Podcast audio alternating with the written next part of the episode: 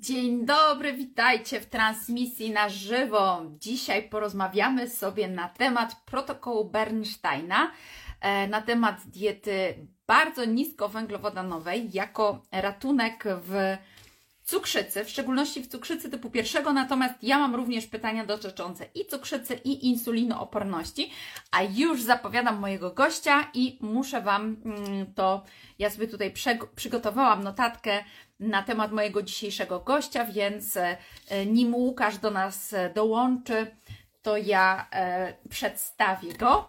Moim gościem jest dzisiaj Łukasz Wysoczański, rocznik 1984. Rocznik jest tutaj ważny, dlatego że zwykło się uważać, że cukrzyca typu, e, typu pierwszego dotyczy tylko dzieci. A tutaj e, chcę Wam pokazać, że mamy do czynienia z osobą dorosłą, który od 2019 roku choruje na cukrzycę typu pierwszego. Zawodowo jest związany z przemysłem wytwórczym, chemicznym i maszynowym. Włada biegle językiem angielskim i niemieckim. Jego hobby to antropologia, nauki żywieniowe, fizjologia człowieka, historia Polski, fotografia, piłka nożna i podróże. Od dnia diagnozy jest na diecie ubogowęglowodanowej, następnie na protokole właśnie doktora Bernsteina, na tyle na ile to było możliwe, e, gdyż przez półtora roku nikt nie chciał wypisać mu e, recepty na neutralną insulinę ludzką. Hemoglobina glikowana początkowo była 13,5%, spadła w 2021 do 4,8%, co jest rzadko spotykane u osób, które mają e, cukrzycę. No i ludzie często pytają, po co w ogóle starać się, żeby mieć tak niską hemoglobinę glikowaną. Ja to też często słyszę wśród swoich pacjentów, bo lekarz powiedział, że wystarczy przyjmować odpowiednią ilość jednostek insuliny. Natomiast badania pokazują, że hemoglobina glikowana powyżej 5% prowadzi do powikłań, a Łukaszowi zależy na tym, żeby być zdrową osobą. No i po prawie trzech latach choroby Łukasz z całą świadomością mówi, że praktycznie nikomu, oprócz samych cukrzyków, chociaż i czasami i im również, nie zależy na tym, żeby pacjent był zdrowy, żeby miał w normie cukry, bo to oznacza ograniczenie insuliny i leków do minimum e, i oznacza też e, zmniejszenie się powikłań cukrzycowych, a jak wiemy, to jest kolejny biznes. No i mając to na względzie oraz dramatyczny stan wiedzy, a raczej niewiedzy i tak zwany ciemnogród, nie tylko wśród pacjentów, nieważne czy ze stażem, czy świeżych, ale przede wszystkim personelu medycznego i dietetyków w Polsce, w lutym 2021 roku postanowił przetłumaczyć i wydać książkę doktora Bernsteina po polsku. Dzięki tej książce cukrzyk może osiągnąć cukry jak u zdrowej osoby i to jest właśnie ta książka. E, protokół Bernsteina, ogromnie e, gruba książka, a ja już tutaj Łukasza. No i oddam Łukaszowi głos. Zaczniemy od e, pytania dotyczącego historii zwanej z chorobą. Cześć Łukasz, witam Cię, jak miło, że jesteś z nami. Dzięki za zaproszenie. W ogóle poczułem się jak jakiś tutaj gość specjalny. Nie sądziłem, że aż taki, taki wyrafinowany research będzie na mój temat przeprowadzony, ale dziękuję, tak, to wszystko się zgadza jak najbardziej. No wiesz, weszłam na Twoją stronę, poczytałam o Tobie, bo chciałam przybliżyć Twoją sylwetkę, żeby ludzie wiedzieli, z kim mamy do czynienia, że Ty masz tutaj ogromne doświadczenie jako praktyk i no, z kim jak nie z Tobą powinnam właśnie na ten temat porozmawiać, bo na, na pewno nie wyobrażam sobie, żeby porozmawiać tutaj z diabetologiem, bo jednak mhm. e, masz rację to, co stwierdziłeś, że ja no, po po długiej pracy z pacjentami uważam, że pacjenci mają małe oparcie w diabetologach. Właśnie oni powinni przepisywać im odpowiednie recepty, a nie chcą współpracować, nawet jeżeli dietetyk zaleca dietę niskowęglowodanową. No boją się tego, dlatego że jest to takie trochę nieortodoksyjne podejście do tematu. Wszyscy wiemy, jak to wygląda w przypadku standardowej, e, standardowej metody leczenia cukrzycy typu pierwszego. E, a tutaj przychodzi ktoś, kto być może nawet e, wie więcej od samego lekarza o swojej, no, o swoim zdrowiu na pewno, ale o swojej chorobie również. Mhm. I podejrzewam, że też jeżeli ktoś przez całe swoje życie zawodowe uważał się za eksperta w danej dziedzinie, a tutaj ktoś przychodzi i mówi mu rzeczy, o których on nigdy nie słyszał, no to nawet siłą rzeczy może z takiej podświadomej chęci e, dania psztyczka po prostu grać na niekorzyść pacjenta, że tak to mm -hmm. tak się wyrażę. Nie? Czy mógłbyś opowiedzieć swoją historię? E, jak doszedłeś do tego, gdzie jesteś teraz? Bo ja to powiedziałam oczywiście totalnie w skrócie, e, ale żebyś mógł powiedzieć, wiesz, jak, jak ty to odkryłeś, jak wpadłeś na ten protokół, dlaczego zależało ci na tej niskiej hemoglobinie glikowanej, jak sobie radziłeś, kiedy nie miałeś tej odpowiedniej insuliny, no i jak sobie radzisz, mając tą insulinę. Później płynnie przejdziemy do pytania oczywiście, co to jest ten protokół i jak, e, jak on w praktyce wygląda. To znaczy moja historia jako cukrzyka typu pierwszego zaczęła się jakieś 3 lata temu. Ja e, mieszkałem jeszcze wtedy w Anglii i dojeżdżałem do pracy rowerem, to jest jakieś 15 km, 16 km rowerem w jedną stronę. Ja w pewnym momencie już nie byłem w stanie po prostu tego kontynuować. E, zapadłem na siłach fizycznych. Dodatkowo pojawił się ten czyn stomocz. No takie klasyczne objawy cukrzycy typu pierwszego, prawda? E, i jak to facet chciałem po prostu przeczekać, tak? No to przeczekałem dwa tygodnie, ale już się po prostu nie dało, więc poszedłem do lekarza e, rodzinnego, zlecono mi podstawowe badania i w Anglii to wygląda w ten sposób, że jak wszystko jest w porządku, to nikt nawet się nie odezwie. Natomiast ja, będąc w pracy od 8 do godziny 12, miałem cztery nieodebrane wiadomości z przychodni, więc już wiedziałem, że coś jest na rzeczy. No i Wróciłem, oni jakby stwierdzili, że mam cukrzycę, ale że powinien w tej chwili jechać e, do szpitala, żeby wykonano jeszcze szereg dodatkowych badań, żeby wykluczyć coś innego. No więc udałem się do szpitala i, i tam jakby stwierdzono tę cukrzycę już, że tak powiem, na piśmie, dostałem wypis ze szpitala i tak dalej. Ja nie, nie dostałem tej kwasicy ketonowej, e, po prostu dostałem ten zestaw e, jakby podręcznego podręczny zestaw cukrzyka e, typu insulina i ten cały osprzęt. Dostałem szereg kulotek i w zasadzie tyle i wysłano mnie do domu. Bez żadnej wiedzy o tym, czym jest insulina, jak działa insulina, czym jest cukrzyca i tak dalej. Po prostu stwierdzono, że mam cukrzycę. Zobaczyli, jak, to, jak ja funkcjonuję, że, że mogę stać, mogę chodzić, więc wysłali mnie do domu. Nie? I powiedzieli, że wyślą list. E, Zaprasz, zaproszą mnie wtedy na, na szkolenie i na wizytę u, u diabetologa i, i, i, po prostu mam czekać, a do tej pory mam przeczytać te ulotki i sobie radzić, że tak powiem. Nie? Mhm. No więc ja sobie zacząłem radzić samemu, prawda? Pierwsza rzecz, jaką zauważyłem, że rzeczywiście chyba mają rację, to zjadłem takie, takie ciasto francuskie, angielskie, że tak powiem. To jest Cornish pie, to jest po prostu kawałek mięska e, w takim cieście i to jest zapiekane no i ta, ta, ta glukoza potrzebowała chyba ze 120 na 250. No to już wiedziałem, że po prostu jednak chyba mają rację, prawda? No co, jakby bez żadnej wiedzy ja stwierdziłem, no to w takim razie zacznę się odżywiać samymi e, samymi e, roślinami, w sensie warzywami e, surowymi e, i do tego e, mięsem. Po prostu tak stwierdziłem, że nie wiedząc jeszcze nic o tej chorobie, że po prostu to chyba trzeba jednak tak zrobić, a nie, a nie jeść jakiś tam makaron, ryż i tak dalej, no bo to wszystko są węglowodany, a jeśli ja tego nie, nie metabolizuję, no to chyba najlepsze to będzie rozwiązanie. No i potem jakby przyjechałem do domu, zacząłem patrzeć w internet, jak to, jak to wszystko ogarnąć i, i pierwszym takim krokiem było poszukanie czegoś odnośnie diety. I że pisałem po angielsku dieta, cukrzyca i zaczęły wyskakiwać filmy na YouTube odnośnie diety niskowęglowodanowej. No ja po prostu zacząłem to oglądać. Trochę tego poglądałem, w pewnym momencie trafiłem właśnie na filmy o, o cukrzycy typu pierwszego.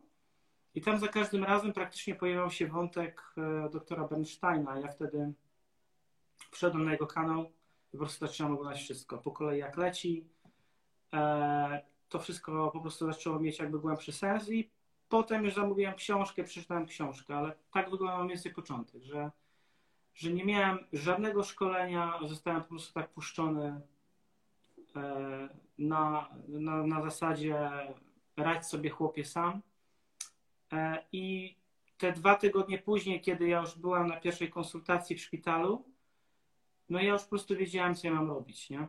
Mhm. Natomiast ten cały proces, żeby potem dostać tą neutralną insulinę ludzką, e, no to tak jak mówię, dopiero kiedy przyniosłem się z Anglii do, do Szwajcarii, tą insulinę, tą, tą tą receptę na insulinę naturalną, skąd dostałem. Także do, tego, do tamtego momentu po prostu radziłem sobie tak łopatologicznie, rozbijając dawki insuliny analogowej i dając sobie je w odpowiednich odstępach, czy to z posiłkiem, czy już po posiłku. Taka imitacja pompy bez pompy, że tak powiem. Te Mhm. przedłużone bolusy, jak ludzie to wykonują przy pomocy pompy, to ja to robiłem przy pomocy penów, nie? Eee, no bo po prostu sam do tego tak w ten sposób doszedłem e, na zasadzie tego, jak, jak wyglądały moje cukry, jak ja się czułem i tak dalej. Stwierdziłem, że to jest jedyny sposób. Wysoce nie, no nie jest to idealny sposób, ale no udało mi się zejść z tej 13,5 hemoglobiny glikowanej chyba w 9 miesięcy do 5,4 czy 5,3. Mhm. Na tyle jest to wykonane, ale żeby rzeczywiście mieć takie zdrowe, e, poprawne e, cukry, no to już ta insulina przy tym, przy tym modelu żywienia no, czyni cuda, tak? Czyni cuda, nie? Mhm. Jak to wygląda? A powiedz mi, bo ty bardzo dużo własnej edukacji zrobiłeś, e, ty szukałeś informacji, no w międzyczasie zaprosili cię na szkolenie. Jak tam poszedłeś na to szkolenie, to, to miałeś wrażenie, że, że oni mówią jakieś rzeczy oderwane w ogóle od rzeczywistości? To znaczy, ja tam przeżyłem e, szok, taki dysonans poznawczy, dlatego że tych, tych cukrzyków takich jak ja, oni zaprosili e, na szkolenie takie właśnie dla diabetyków. Przeprowadzone to było przez pielęgniarki, edukatorki cukrzycowe, pielęgniarki cukrzycowe. I na wstępie nas witano jakimiś tam ciastkami, słodzoną herbatą i słodzoną kawą. Także ja już wiedziałem, że coś tutaj będzie grubo nie halo. No i jak mówię, no z, z, każdą kolejną godzinę miałem wrażenie, że oni mnie nagrywają, że ja tam po prostu jestem po to, żeby, nie wiem, wyskoczyć przez okno, żeby oni mogli. Ale nie, to wszystko było na poważnie. Yy, czyli te osoby jakby nie miały żadnej też wiedzy, ale też nie specjalnie chciały się interesować tematem samemu, więc chłonęli tą, tą pseudowiedzę, którą, którą jakby przekazywano. Potem jeszcze był lekarz, który nie był w stanie odpowiedzieć na najprostsze pytania. No, dużo było dezinformacji w tym, dużo było przemilczania pewnych rzeczy. No, to było straszne doświadczenie dla mnie, jako człowieka, który widzi rezultaty E, swoich działań i widzi, że można osiągać zdrowe, normalne e, glikemie przy pomocy tego, co się, co się robi, a potem oni się też chwalili swoimi dokonaniami, w sensie inni cukrzycy i to już tak ładnie nie wyglądało, nie? Mhm. To wcale tak ładnie nie wyglądało, więc no tylko mnie to uświadczyło w tym, że to, co ja robię jest właściwe. Natomiast no, no nie polecam, takiego, takiego szkolenia nie polecam, bo no bo jest to duża dawka jakby w takiej, no przynajmniej w moim przypadku to było dużo frustracji, dużo takiego, no nie wiem, niezgody na to, ale no ja nie jestem w stanie, nie byłem wtedy jeszcze w stanie obronić swoich racji, nie, nie byłem jeszcze na tyle mm wyedukowany, jestem dzisiaj, więc e, no specjalnie tam się nie udzielałem, tylko na koniec, jak oni tam dawali takie ankiety, żeby opowiedzieć, znaczy odpowiedzieć, jak im się podobało to szkolenie, to tam parę cierpkich słów prawdy napisałem, natomiast co potem dalej z tym zrobili, myślę, że nic specjalnego. No powiem Ci, że jak ja miałam praktyki w szpitalu diabetologicznym, sama sobie taki wybrałam, bo myślałam, że czegoś ciekawego się nauczę jeszcze jak studiowałam, bo ja e, dietetykę studiowałam dość późno po, po wszystkich innych kierunkach, które robiłam. To ja nigdy wcześniej w życiu nie widziałam takiej ilości słodyczy, jak widziałam właśnie na oddziale diabetologicznym.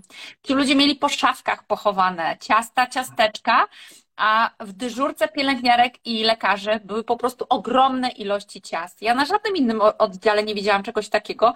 Dla mnie to było bulwersujące i oczywiście za każdym razem słyszałam, no przecież wystarczy, że pacjent sobie dobierze insulinę, bo przecież pacjent coś od życia musi mieć. I to wyglądało tak, jakby oni wręcz wkładali w usta tym pacjentom to, że oni tak myślą, że to jest ich zdanie, że przecież oni coś od życia muszą mieć, no bo człowiek potrzebuje słodkiego do życia, no bo bez słodkiego to po prostu się nie da, no jak przeżyć imprezę i tak dalej. Niesamowite. No, tak a to tak samo to tutaj wyglądało. A drugi przypadek to był w momencie, kiedy byłam na oddziale, mm, na oddziale ciąży i tam widziałam, co się gotowało w dietach cukrzycowych dla ciężarnych. To była jakaś katastrofa po prostu. Ja już wtedy miałam tą świadomość, że węglowodany są dużym problemem i pytam się, dlaczego ich nie ograniczycie? Dlaczego dajecie kobietom biały chleb po prostu? Dlaczego one to dostają? I wielokrotnie w rozmowach z tymi kobietami słyszałam, że no, stąd trzeba uciekać jak najszybciej, bo dopóki nie trafiły do szpitala, to miały w miarę stabilne cukry, ale jak trafiły do szpitala, to były na 100% pochorowane na cukrzycę i wychodziły z receptą na insulinę, której de facto nie potrzebowały, bo gdyby nie były tak karmione, jak były karmione w szpitalu, to byłyby w miarę zdrowe, prawda? Czy tak, to jest jedna rzecz, ale do tego też dochodzi to, że mi się wydaje, że to jest jakby splot pewnych e, okoliczności. Na pewno jednym takim kamieniem węgielnym tego wszystkiego jest e, to, że ta fizjologia żywienia jednak nie jest nawet przedmiotem e, takim, że tak powiem, grubszym na studiach e, medycznych w przypadku lekarzy, prawda? Oni mają jedną godzinę e, na tym, na, na higienie, tak? Jedną godzinę w ciągu 6 lat studiów, to jest jeden wykład.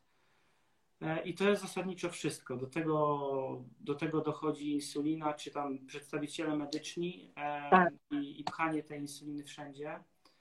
E, to jest jakby drugi temat. No i też trzeba pamiętać o tym, że jest bardzo duży kładziony nacisk psychologiczny, to znaczy wmawia się, e, raz, że wmawia się pacjentom to, że tak jak właśnie mówi, że muszą mieć coś od życia.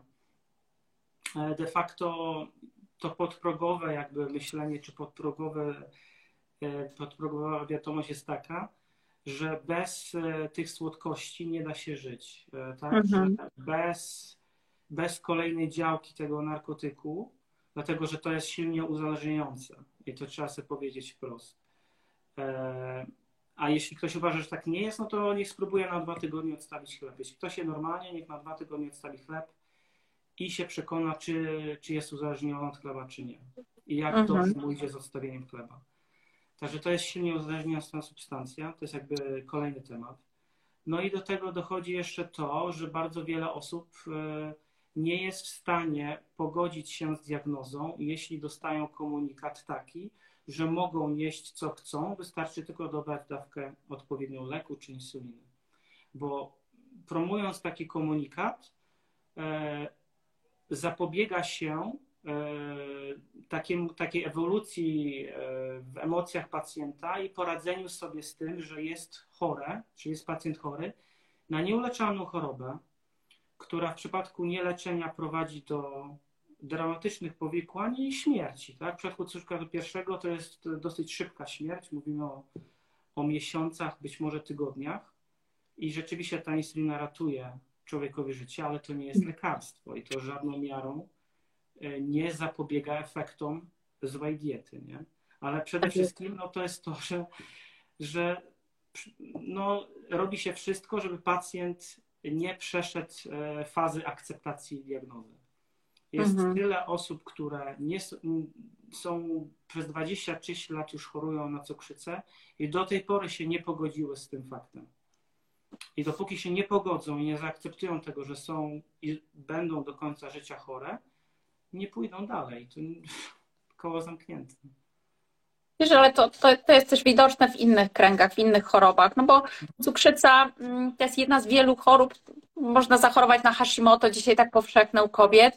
I ja widzę, że też nie ma takiego pogodzenia. Jestem chora, muszę zmienić dietę, no moja dieta i mój styl życia mnie do tego doprowadziły, to do cholery zmień to no to wiesz, no na, na takich forach tam często jest taki kącik wzajemnego wsparcia, ale na zasadzie takiego popiedolenia, nie? Spoko, możesz iść wszystko, ale wiesz, no tu weźmiesz sobie altyrok, najwyżej terczycę sobie wytniesz, no jaki to tam problem, ja rozumiem, taka biedna jesteś i tak dalej. Więc to jest widoczne na każdym kroku, takie niepogodzenie się, takie Wiesz, lekarze też e, nie dostaniesz wsparcia od lekarza, bo lekarz mówi, dieta nie ma znaczenia. I tu nie chodzi tylko wiesz, o te powikłania cukrów, ale weźmy pod uwagę powikłania dla całości organizmu, dla funkcjonowania jeli, dla funkcjonowania mózgu, e, dla e, funkcjonowania Twojego systemu immunologicznego, który często zwraca się przeciwko samemu sobie, przecież niszczy swoje własne tkanki, z jakiegoś powodu to się zadziewa, tak? A w przypadku chorób autoagresywnych mamy zespół nakładania. Masz jedną chorobę, za chwilę będziesz miał drugą, trzecią i czwartą. Możesz mieć stabilne cukry, ale za chwilę okaże się, że może masz tocznia jeszcze, reumatoidalne zapalenie stawów albo jeszcze jakąś inną chorobę. Tak, no sami sobie zaprzeczają lekarze, mówiąc, że dieta nie ma znaczenia, bo skoro nie ma znaczenia, to dlaczego tak duża jest różnica w cukrach, jeśli e, pacjent przechodzi na dietę czy niskowęglowodanową, czy tak jak w mhm. moim przypadku ubogowęglowodanową. To mhm. jak oni to wytłumaczą, skoro dieta nie ma znaczenia? No, no tak. Wiesz, jeszcze taki dokument chcę pokazać. Nie wiem, czy go będzie widać. E, on jest widoczny odwrotnie. Czy ja go przeczytam. Czy wiesz, ile potrzebujesz węglowodanów? To jest dokument, który wydał Instytut Żywności i Żywienia. On nawet nie jest taki stary. I to jest tak zwany Narodowy Program Zdrowia na lata 2016-2020 i tu jest napisane, że człowiek absolutnie potrzebuje mhm. e, węglowodany w diecie. I to jest podstawa żywienia, bo jeżeli nie dostarczysz węglowodanów, to będziesz miał niedobory żywieniowe, zaburzenia koncentracji. To jest paradoks, bo właśnie kiedy te węglowodany odbieramy, to ludzie mówią, że mają jasność myślenia. Mhm. Więc jak ludzie takich rzeczy się tutaj naczytają, to jest bioza jelitowa, uchyłkowość e, jelit, kamica żółciowa, zaburzenia metaboliczne, e, zaburzenia równowagi kwasowo-zasadowej, e, przewlekłe zmęczenie, gdzie jak wiemy, jak ktoś ma insulinooporność, to jest raczej przewlekle zmęczony. No ale musisz jeść węglowodany, bo inaczej będziesz po prostu totalnie chory. Więc wiesz, lekarze muszą się też kierować oficjalnymi wytycznymi. Jeżeli taki instytut wydaje takie wytyczne, że pacjent ma jeść węglowodany. Nie ma innych wytycznych, bo moim zdaniem nie zależy nikomu na tym, żeby były inne wytyczne, bo jest taki jeden koncern, który produkuje płatki śniadaniowe, a jednocześnie ten sam koncern produkuje insulinę. To komu miałoby zależeć, żeby ludzie przestali to jeść? Znaczy, powiem tak, że to nie jest tak źle, dlatego że należy, ja, ja uważam, że każdy cukrzyk powinien ściągnąć sobie najnowsze zalecenia Polskiego Towarzystwa Diabetologicznego i je przeczytać. Ja wiem, że to jest mhm. ciężka lektura i wiem, że to jest najlepsza lektura, żeby jak najszybciej usnąć, ale warto, naprawdę, dlatego że e, to jest tak, e, że z jednej strony jest mowa o tym, że trzeba 50% węglowodanów w diecie, ale z drugiej strony jest e, napisane otwartym tekstem, że to leki i insulinoterapię i ogólnie terapię dostosowuje się do modelu żywienia, a nie na odwrót.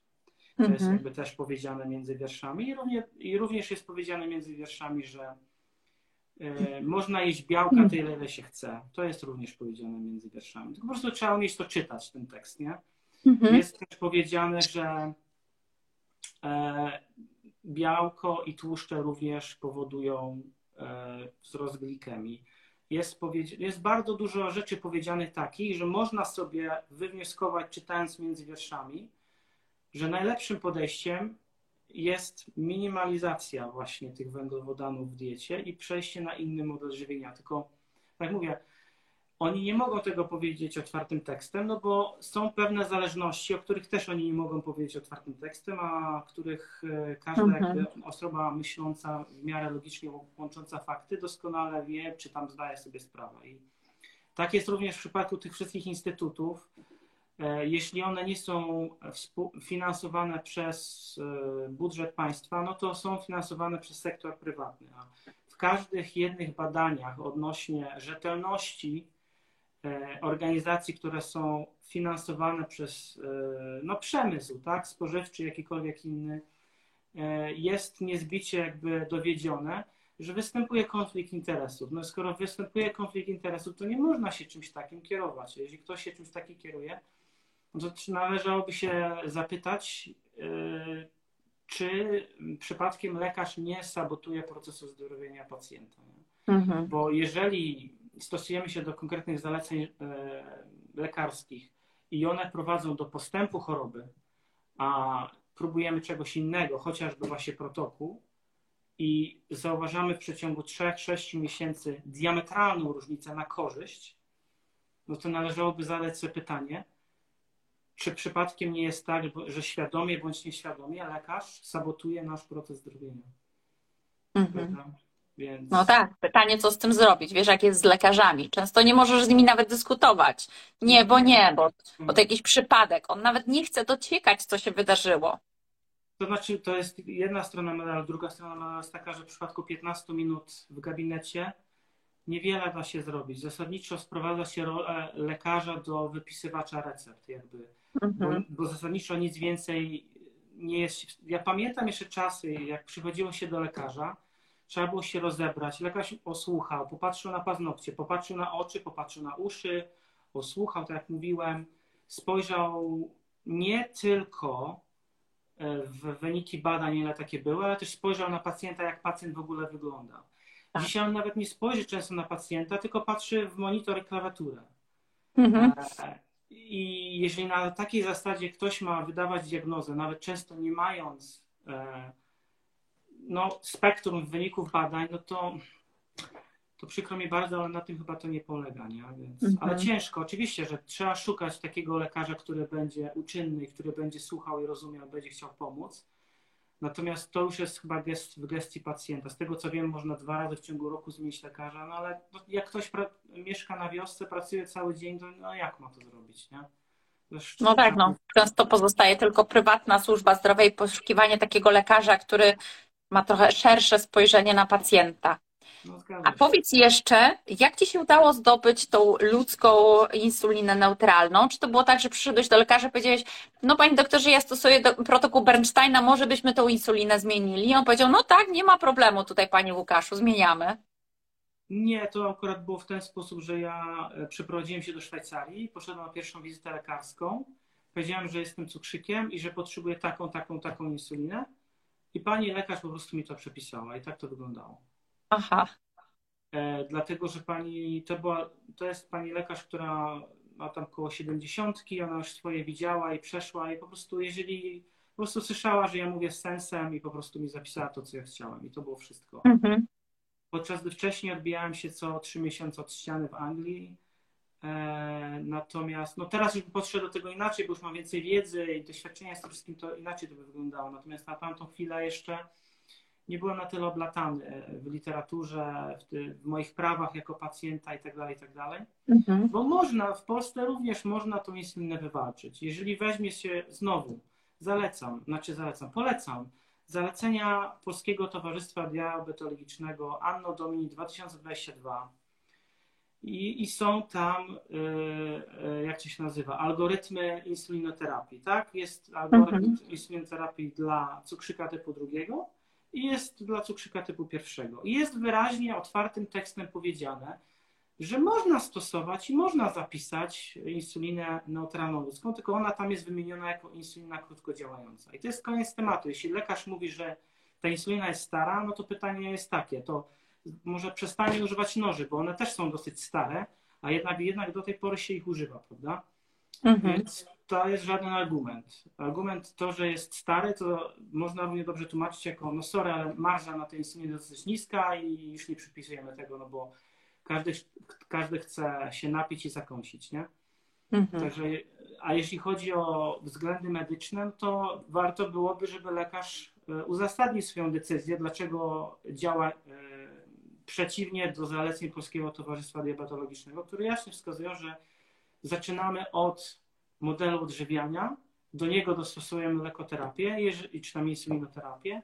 Jeżeli tak robimy, czyli w zgodzie z zaleceniami, no to jakby naturalnie nasuwa się ten wniosek, że skoro pacjent przyjmuje tak niewielką podaż e, węglowodanów, no to potrzebuje insuliny, której, której działanie, czyli okres działania i moc działania jest dostosowana, dostosowana do poposiłkowej E, glikemii, prawda? No to tutaj mhm.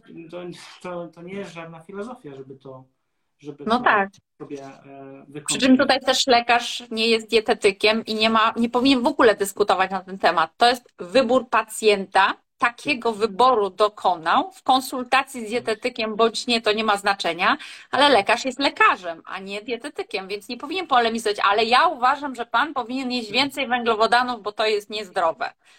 No to jest opinia lekarza, natomiast tam w zaleceniach jest również napisane, że pacjent musi zaakceptować e, terapię e, mhm. przepisaną. Czy jeżeli lekarz proponuje terapię wysokimi dawkami węglowodanów i wysokimi dawkami insuliny analogowej i pacjent się na to nie zgadza, to w interesie lekarza jest to, żeby dążyć do takiego kompromisu, żeby pacjent e, zgodził się na zalecenia lekarskie. Mhm. Tak no to jest super. To, to, to... w zaleceniach PTD i to wystarczy przeczytać, to jest łącznie chyba z 40 stron. Ja wiem, że to jest nudne i wiem, że... Tak, ale myślę, wiesz, ja myślę, że... Warto, naprawdę warto, bo, bo oni, to jest tak, że oni mają schizofrenię, to trzeba sobie powiedzieć wprost, bo z jednej strony mówią, piszą otwartym tekstem jedno, ale linijkę dalej zaprzeczają sobie. Jest mhm. obrót o 180 stopni. No to skoro oni mają schizofrenię, no to my możemy z tego korzystać jako pacjenci. Nie? No tak, bardzo dobrze, że o tym powiedziałeś, bo myślę, że to da też wielu pacjentom narzędzie do tego, żeby pójść i z tym lekarzem faktycznie porozmawiać, bo czasami się po prostu odbijają od takiej przysłowiowej ściany. Mhm. Tylko trzeba no wiedzieć, jak się mówi. To nie jest tak, że poproszę neutralną insulinę ludzką, a, a lekarz powie, a po co pani? No i ta kobieta wtedy, e, nie wiem. No to na takiej zasadzie to nie działa, no bo to trzeba, trzeba jakby zgodzić się z lekarzem. To jest zupełnie inna insulina. Trzeba wiedzieć, co się robi, ale to jest dosłownie tak samo jak z nożem. Nóż, jeżeli się mhm. da dziecku, które nie wie, jak się posługuje nożem, to sobie robi krzywdę. I tak jest ze wszystkim z każdym narzędziem. A insulina jest tylko i wyłącznie narzędziem do tego, żeby mieć zdrowe cukry albo ich nie mieć, zależy od tego, kto co robi. Mhm. Ale jeżeli nie wie się, co się robi, nie wie, co się mówi, bo nie ma się wiedzy, no to nie można oczekiwać tego, że lekarz przepisze taką insulinę, no bo to naprawdę to nie jest zabawka. Nie? To, że tutaj... No tak, lekarz też może się obawiać, że pacjent sobie gdzieś tam w internecie przeczytał, usłyszał, chce taką, ale nic za tym nie idzie, tak? Nie ma odpowiedniej diety do tego. Dokładnie, no to tak to nie działa. No przy, przykro mi, ale to tak nie działa. Nie? Mhm. No dobrze, to powiedz w takim razie, co to jest ten protokół Bernsteina? Jakie są jego zasady? Dla kogo on jest? Po co on został stworzony?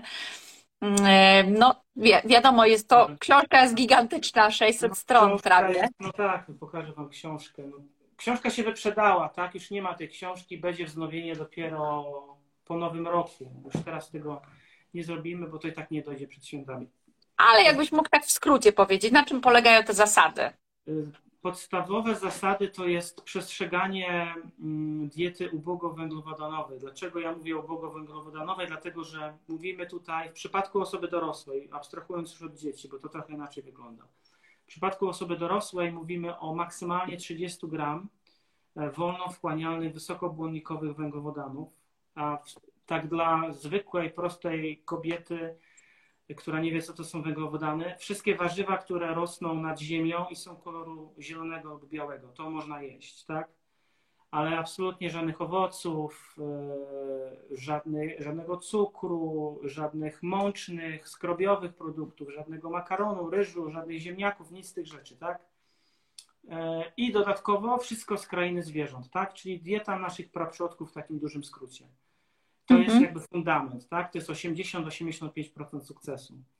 Za tym idzie, w przypadku cukrzyka typu drugiego czasami jest tak, że przy zastosowaniu ścisłej tej diety i też mówimy o rozłożeniu posiłków na, w przypadku cukrzyka być może 4, być może 5 posiłków nawet dziennie mniejszych, e, zależy. Zależy w jakim stopniu ten cukrzyk typu drugiego mm, ma insulinę i jak jak bardzo posunięty jest cukrzyca typu pierwszego, jak blisko jest tej cukrzycy typu pierwszego.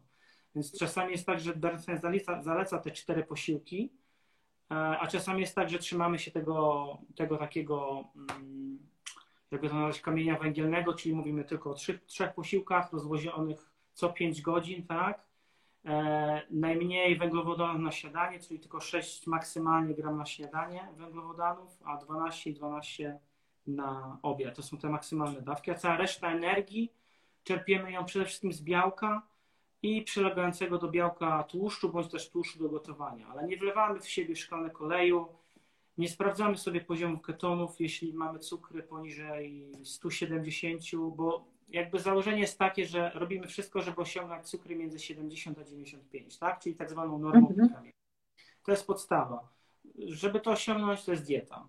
Jeśli sama dieta nie wystarczy, do tego wchodzą leki. W przypadku dwójki to są leki hamujące apetyt, to są inkretynomimetyki, to będą też e, inhibitory SGLT2, to będą, nie wiem, agoniści receptorów GLP1 i tak dalej. No tych leków tam jest trochę, ale one tylko, chodzi w nich w zasadzie tylko i wyłącznie o to, żeby zagłuszyć apetyt, e, żeby osoby nie dojadały, nie, nie przyjadały się.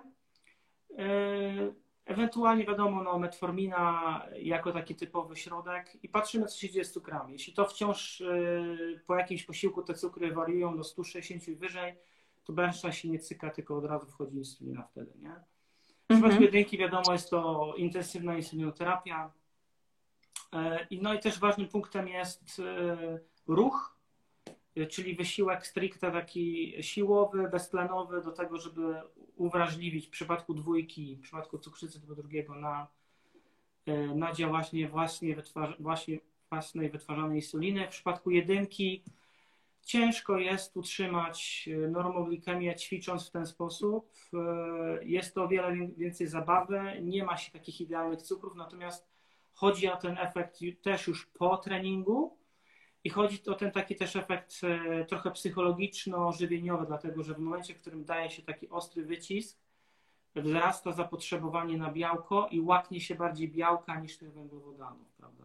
Mhm. Ale on też y, mówi wyraźnie, że w przypadku osób, które bardzo dużo trenują, no nie obędzie się bez, bez, tych węglowodanów. Natomiast to nie są takie ilości węglowodanów, jakie człowiek tam y, powiedzmy, który uważa, że dobrze się prowadzi i stosuje, tylko są rzeczywiście takie ilości, które no, zapobiegają tym ostrym niedocukrzeniom, one nie występują zasadniczo na tym protokole. Rzadko kiedy to są pomyłki rzędu po prostu ktoś się wstrzyknie w mięsień zamiast, zamiast e, w tkankę tłuszczową, czy dojdzie jakiś właśnie niespodziewany wysiłek, gdzie ta dawka bazy jest niedostosowana, czy no wiadomo, zdarzają się takie sytuacje, czy na przykład tak jak ja wczoraj, to było wczoraj, Zapomniałem o tym, że wstrzyknąłem sobie przed chwilą insulinę, poszedłem e, wziąć sobie gorącą kąpiel i wiadomo, wtedy ta insulina się szybko wchłania, no i, i sobie te cukry po prostu mocno obniżyłem. Także, ale to są przy, przypadki, wypadki, natomiast zasada, zasada jest prosta. Staramy się trzymać cukry w normie całą dobę, czyli między 70 a 95. Mamy do tego jakieś tam narzędzia i książka jest o tych wszystkich sztuczkach, o których twój lekarz nie wie. To są mhm. rzeczy, które Bernstein przez, nie wiem ile on w tej chwili już jest z tą chorobą, ile lat, 50, ponad 50 lat już żyje z tą chorobą, do których sam doszedł, bądź do których doszli jego pacjenci, które po prostu jak się stosuje, to to działa i tak pomaga się w osiąganiu tej normy glikemii. Mhm. I o tym jest ta książka zasadniczo. Jest tutaj też książka kucharska w tym, no i są też załączniki, gdzie są te podstawy bio, trochę biochemii, chemii, e, fizjologii człowieka wyjaśnione.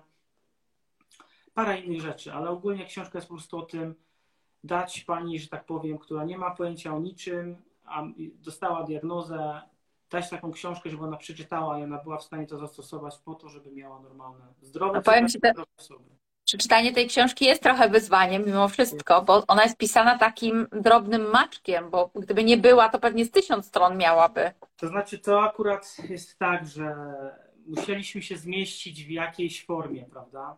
Mhm. I ona w języku angielskim jest mniej zawiera, że tak powiem, stron, natomiast żeby po polsku pewne rzeczy wytłumaczyć, Niestety, tak. ale no jednak to się trochę rozszerzyło. Poza tym ja dodatkowo jeszcze w tej książce są dwa dodatkowe rozdziały, których nie ma w książce Bernsteina.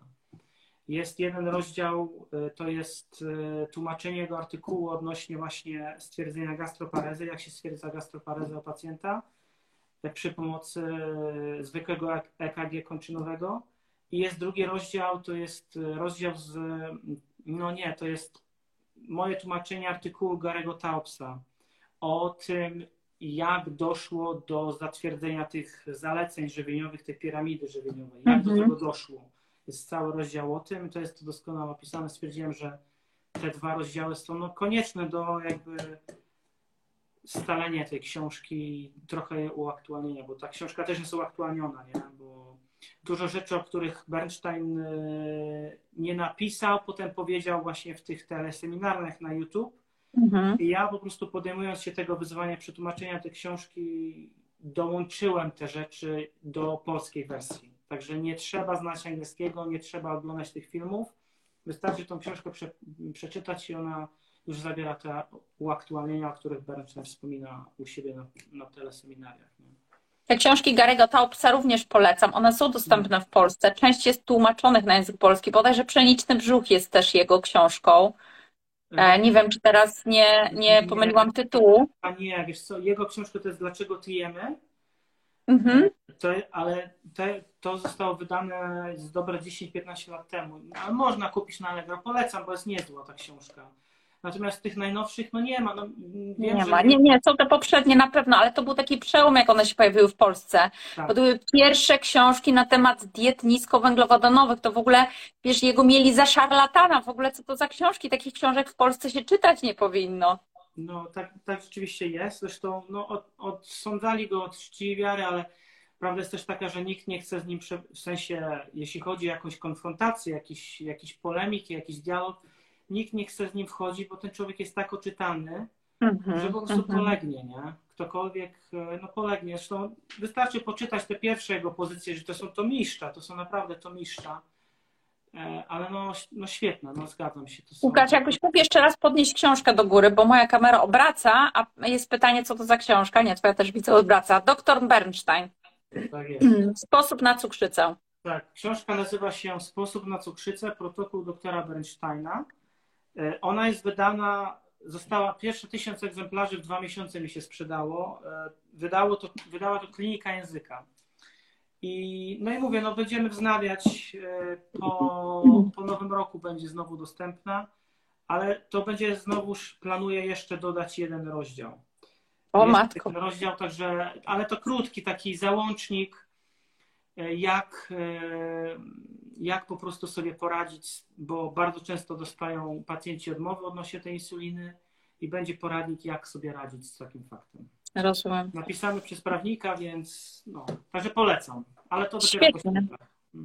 Jeszcze jakbyś mógł, e, tak w skrócie, no bo ja oczywiście odsyłam do tej książki, no nie będziemy też całej książki tutaj omawiać, ale jakbyś jeszcze mógł tak podsumować, bo mhm. chciałabym później nawiązać, bo wiesz, ludzie się boją ograniczać węglowodany, tak? Mhm. Dzisiaj są bardzo popularne diety keto, zresztą spotkaliśmy się mhm. razem na konferencji u braci Rodzeń, e, tam dużo mówiliśmy na temat keto, karniwora, e, wpływu diety niskowęglowodanowej na neurodegenerację, na zapobieganie neurodegeneracji, ja sama jestem prawie, że na karniworze, czasami z niego trochę wychodzę, bo mam więcej aktywności fizycznej i to jest niesamowite, jak sobie porównuję swoje zdrowie kiedyś, kiedy byłam zbożożercą, a później, kiedy przestałam je jeść, ale cały czas mi powtarzają, że będę chora, że będę niedożywiona, że nie będę miała energii, że moje jelita będą rozwalone, że, e, że mózg i tak dalej, i tak dalej. I oczywiście żyję dalej pomimo tego wszystkiego, co słyszę od wielu lat.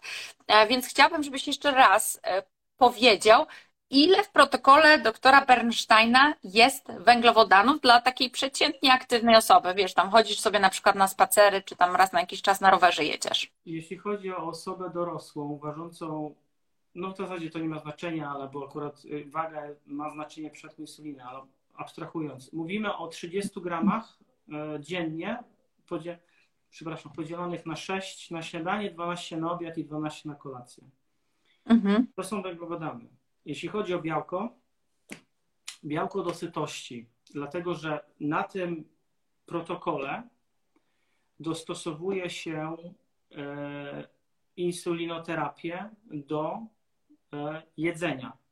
Czyli z, jedną z takich kluczowych zasad, oprócz tych 30, czyli 6, 12, 12, jest stały jadłospis. To znaczy, że codziennie przez określony czas jemy takie same śniadania, takie same obiady i takie same kolacje, po to, żeby nauczyć się, jaka dawka insuliny pokrywa daną porcję danej potrawy.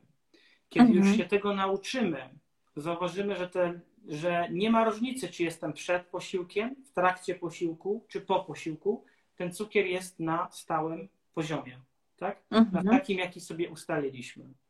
I teraz, jeżeli nam się ten jadłospis nudzi, to ustalamy sobie nowy jadłospis i zaczynamy zabawę od początku.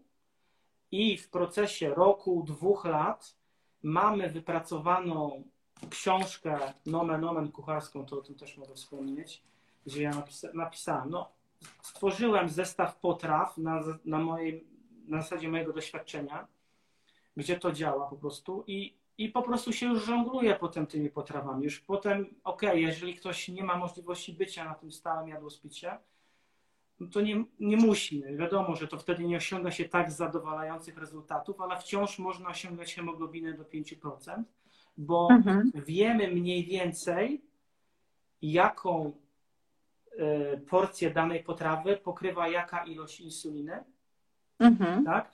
I potem zdarzając się, te pomyłki, które nam się zdarzają, to są pomyłki, które jesteśmy w stanie skorygować jedną, maksymalnie dwoma jednostkami insuliny analogowej dla przykładu, albo i nie, to zależy jaką tam mamy i tak dalej. Natomiast przez to, że są małe dawki, to stosu- w sensie węglowodanów, to stosujemy małe dawki insuliny i ewentualne po- pomyłki są korygowane albo małymi dawkami insuliny, albo małymi dawkami glukozy, czystej glukozy. Mhm. Także to jest ta zasada małych dawek, tak? Jeżeli mało jemy węglowodanów, to mało leków przyjmujemy, o ile w ogóle, i w razie jakiejkolwiek pomyłki jest to mała pomyłka, którą bardzo łatwo jest skorygować. Mm-hmm, mm-hmm. A powiedz, zauważyłeś, bo powiedziałeś białko dosyta. No to wiesz, tego białka może być dość sporo, jednak na przykład w dietach keto, karniwora podkreśla się, że potrzeba nam więcej tłuszczu, mm-hmm. bo przy nadmiarze białka w stosunku do tłuszczu może niekoniecznie będziemy się dobrze czuli. No też wiemy, że białko jest glikolityczne, więc ono też w dłuższej perspektywie może podnosić poziom glukozy we krwi. Czy nie ma tu ryzyka, wiesz, że ktoś przesadzi, bo je tylko pierś kurczaka czy polędwicę wołową, nie? Może powiem w ten sposób. Jest w drugą stronę. To znaczy tak. Tutaj trzeba też rozróżnić e, cukrzyka typu drugiego z cukrzykiem typu pierwszego, dlatego że w przypadku cukrzyka typu pierwszego e, i to, to zostało udowodnione, nie wiem, 4 lata temu do, e, zespół Emilii Sokołowskiej z Uniwersytetu w Białymstoku udowodniła to, w badaniach, że po prostu w przypadku przesadzenia z tłuszczem w diecie e, u cukrzyka typu pierwszego, dlatego akurat Bernstein e, wystrzega się nazywanie jego zalecenia dietetyczne e, dietą ketogeniczną, dlatego że to mhm. nie jest w ogóle mhm. celem jego protokołu. Jego celem jest normoglikemia, czyli utrzymywanie cukru w normie 70-95 przez całą dobę. I teraz w przypadku, kiedy przesadzamy z nasyconymi i nienasyconymi tłuszczami, wzrasta zawartość ceramidu w naszej tkance tłuszczowej i ona powoduje zagłuszanie sygnałów insulinowych i po prostu dochodzi do wtórnej insulinoporności. Dlatego, dlatego białko, że, bo wiemy i to jest po prostu jak amen w pacierzu, że 56% białka jest przekształcane do postaci czystej glukozy przez nasz organizm, mhm. jesteśmy w stanie sobie nauczyć się, czy znaleźć, jaki jest nasz przelicznik jednostek insuliny neutralnej ludzkiej do gramatury białka. Czyli na przykład w moim przypadku jedna jednostka insuliny neutralnej ludzkiej pokrywa 14 gram białka albo 8 gram mhm. węglowodanów, prawda? I to jest jak amen w pacierzu i tak po prostu jest, dopóki nie wzrośnie insulinoporność w przypadku kobiet. No kobiety mają ciężej, tak? Wiadomo bo jest ta insulinoporność i ona się pojawia nawet po prostu cyklicznie ze względu na cykl menstrualny. W przypadku mężczyzn to jest o wiele łatwiej, ok, zgadzam się. Natomiast w przypadku, kiedy mówimy o cukrzyku typu drugiego, e, który no, wytwarza ogromne ilości insuliny i należy oczywiście dążyć do tego, żeby tą insulinę wygłuszyć. No rzeczywiście ta dieta ketogeniczna działa i przynosi skutki i tak dalej. Ale też Bernstein się nie, nie wzbrania przed tłuszczem, natomiast on mówi wyraźnie, że zasada to jest przede wszystkim białko. Najlepiej, żeby to było od 2 do 5 gram białka na kilogram masy ciała. Mhm. Bo takie ilości będą sycić. I ja widzę po sobie, że jeżeli ja zjem tą pierś z kurczaka, to to jest dla mnie za mało tłuszczu.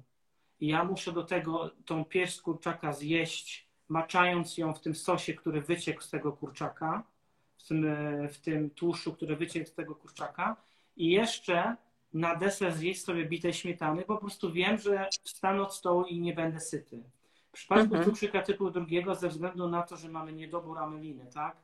No bo niestety ale beta, komórki beta produkują nie tylko insulinę, ale też amelina i mamy jej za, ma, no, za mało albo wcale. No to bardzo często cukrzycy borykają się, typu pierwszego borykają się z tym problemem, że stają od stołu i za chwilę znowu są głodni. No i tu mhm. akurat ten głód też, to uczucie sytości moduluje zarówno białko, ale też tłuszcz, prawda? I trzeba, na tym polega cały patent, że, że mamy ten stały jadłospis, żeby się nauczyć po prostu organoleptycznie, że tyle posiłku mnie syci, a tyle mnie nie syci, muszę jeszcze dojeść. No to jak muszę dojeść, no to mhm. zamiast dojadać tą godzinę później, to nie lepiej od razu zjeść porządnie, tak żeby rzeczywiście wstać od tego stołu i być sytym. No i do tego dochodzi ten aspekt, że no białko przez 5 godzin się zdąży strawić. W przypadku tłuszczu, no to to się wydłuża troszkę, nie? w zależności. Mhm. Ale to też, jeżeli ktoś ma dużo wysiłku fizycznego, nie wiem, biega w maratonach, y, jakieś tam jazdy na rowerze przez x kilometrów i tak dalej, no to jak najbardziej tego tłuszczu musi zwiększać tą ilość tego tłuszczu, żeby wprowadzać tą niby insulinooporność po to, żeby nie dopuszczać do tych radykalnych spadków, prawda? Bo jeżeli sobie, no wiadomo, obniżymy sobie tą bazę, nawet o połowę, ale to nie znaczy, że te spadki w nocy nie będą i żeby im zapobiec, mhm no to tłuszcz przede wszystkim po wysiłku zawsze tłuszcz. Tylko i wyłącznie po to, żeby tą kaloryczność, że tak powiem, z powrotem wyrównać i żeby, nie, żeby ta insulina się nie wchłaniała też zbyt mocno, nie? żeby nie dochodziło do tych spadków. Nie? Mhm. Także w ten sposób. A powiedz mi, bo wiesz, e, panuje takie przekonanie, że mózg potrzebuje te 100 gramów, nawet mówi się 130 gramów węglowodanów, to są takie zalecenia, które mówią inaczej umrze ci mózg. E, mhm. No a tutaj wiesz, protokół Bernsteina i dzieci na niego też przechodzą, tak? No i lecimy te 30 gramów węglowodanów. E, czy coś tutaj mógłbyś w tej kwestii dopowiedzieć, bo jednak pokazuje, że nie umiera. Ci powiem w ten sposób. E, my jesteśmy z tego pokolenia, które jeszcze pamięta, jak e, pielęgniarki w latach 90. strajkowały. Były te głodówki, nie? No mhm. i ja nie pamiętam ani jednego takiego klipu w wiadomościach, że po dwóch czy trzech tygodniach głodówki e, pielęgniarka miała, znaczy, że tak powiem, chorowała na śmierć mózgową albo umierała. No to skoro ona nie jadła przez trzy tygodnie żadnych węglowodanów, bo nic nie jadła, i wszystko było w porządku, no to chyba to oznacza, że jednak nie potrzebujemy tych węglowodanów, nie? Wiesz o co mi mhm. chodzi? No, no, no. Rzecz. Druga rzecz, ja doszedłem do tego, te, te 100 gram węglowodanów to jest to jest w, tym, w tych zaleceniach żywieniowych, żywieniowych z 2012 roku. Ja sobie to, to jest kobyła, to jest tam 600 coś z tym, ale ja sobie to przeczytałem, tak? Mam trochę wolnego czasu od czasu do czasu i sobie przeczytałem to. I tam jest w jednym momencie napisane, jak oni to policzyli, bo oni to policzyli. Oni tego. Tak, oni przez aktywność komórek. Policzyli, mhm. tak matematycznie. Tak, tak. W dalszej części jest napisane, że minimalna ilość węglowodanów potrzebna do przeżycia wynosi zero. Mhm. Ok? I że jedynymi e, składnikami odżywczymi, bez których człowiek umiera, są aminokwasy i kwasy tłuszczowe. I tak jest w mhm. każdym podręczniku endokrynologii przynajmniej powinno być. Znaczy, to co ja czytałem, to tak jest. No to jeżeli tak jest, to skąd oni wzięli te 100 gram, to ja za bardzo nie wiem. To w ogóle nie trzyma się w ogóle żadnej kupy. Człowiek potrzebuje między 23 a 28 gram, dorosły, 23 a 28 gram glukozy na dobę. Pamiętać trzeba o tym, że te ketony, które nie są momentalnie zużywane, one też podlegają recyklingowi rozpadają też, tam jest ta cząstka glicerolu i to z powrotem jest recyklingowane, recyklinowane, czy jakkolwiek to się nazywa, do, e, do glukozy. Więc ja za bardzo nie rozumiem, nie rozumiem tego, że, że ktoś może w ogóle coś takiego mówić. Tym bardziej, że jeżeli 56% spożytego białka tak jest. trafia do, do krwiobiegu w formie glukozy ze względu na glukoneogenezę, i to są rzeczy, których się uczą licealiści w szkole ja nie mówię tutaj, to są podstawy jakby chemii nie? i biologii. Mhm. Ja nie wiem skąd oni to wzięli, ale to się w ogóle jakby kupy nie trzyma, bo ja, ja flirtuję również z karniworem i ja nie jadam 30 gram węglowodanów dziennie. Absolutnie. Ja najlepiej się czuję na karniworze i po prostu od czasu do czasu jeszcze tam przegryzę sobie ogórka czy jakąś kiszonkę, ale ja, ja nie widzę, żebym ja po prostu miał jakieś problemy z głową. Przynajmniej na razie. No może za x lat. Na razie jest wręcz przeciwnie. Ja po prostu rozmawiam z innymi cukrzykami i widzę u nich postępującą demencję. E, a ja mam taką ostrość tego umysłu i no, no nie wiem. No, ja nie wiem skąd oni, znaczy wiem skąd oni to wzięli.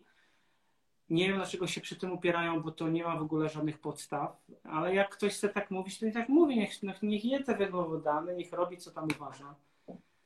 Droga wolna, nie? Wiesz. Mhm. No tak, ale wiesz, panuje takie powszechne przerażenie. Ja to wiem i, e, i wiele osób, które przeszło na diety niskowęglowodanowe, czy na karniworak, na którym no, tych węglowodanów masz jeszcze mniej, bo czasami tylko mięso ktoś przecież je, no to w ogóle ma zero węglowodanów a jednak normalnie funkcjonują. I to nie jest tak, że oni są rok na tej diecie, dwa, pięć, dziesięć, tak?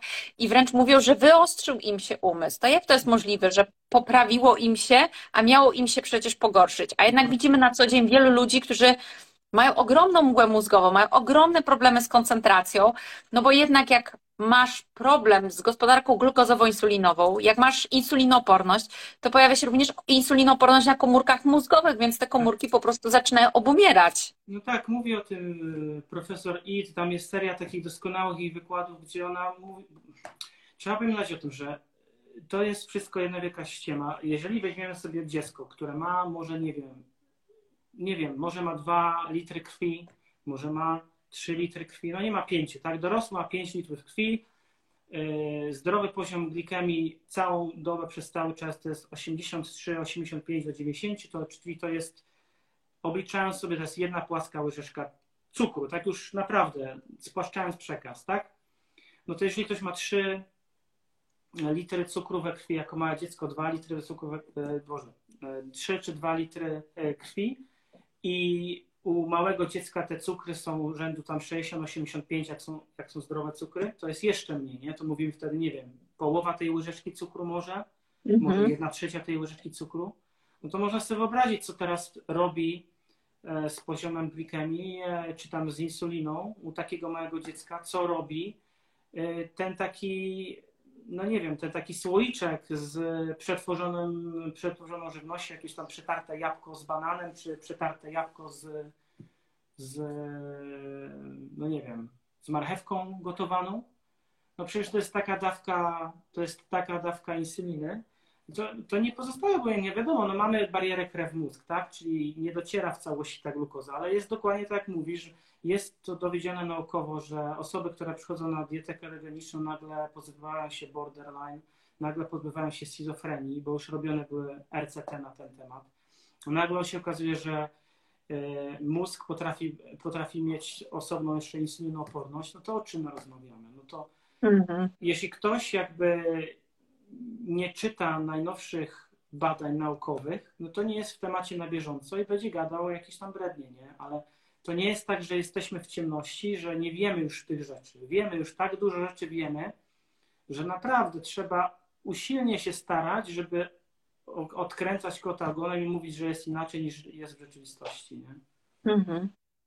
No dobrze, a co w takim razie powiesz na mm, znowu kolejny mit, y, który no jest mega często powtarzany, że nadmiar białka obciąża nerki. Wiesz, panuje, y, jest taka norma, y, że powinniśmy jeść od 1 do 1,5, maks 2 gramy białka na kilogram masy ciała. A tutaj wiesz, do 5 gramów, no to jest naprawdę bardzo dużo.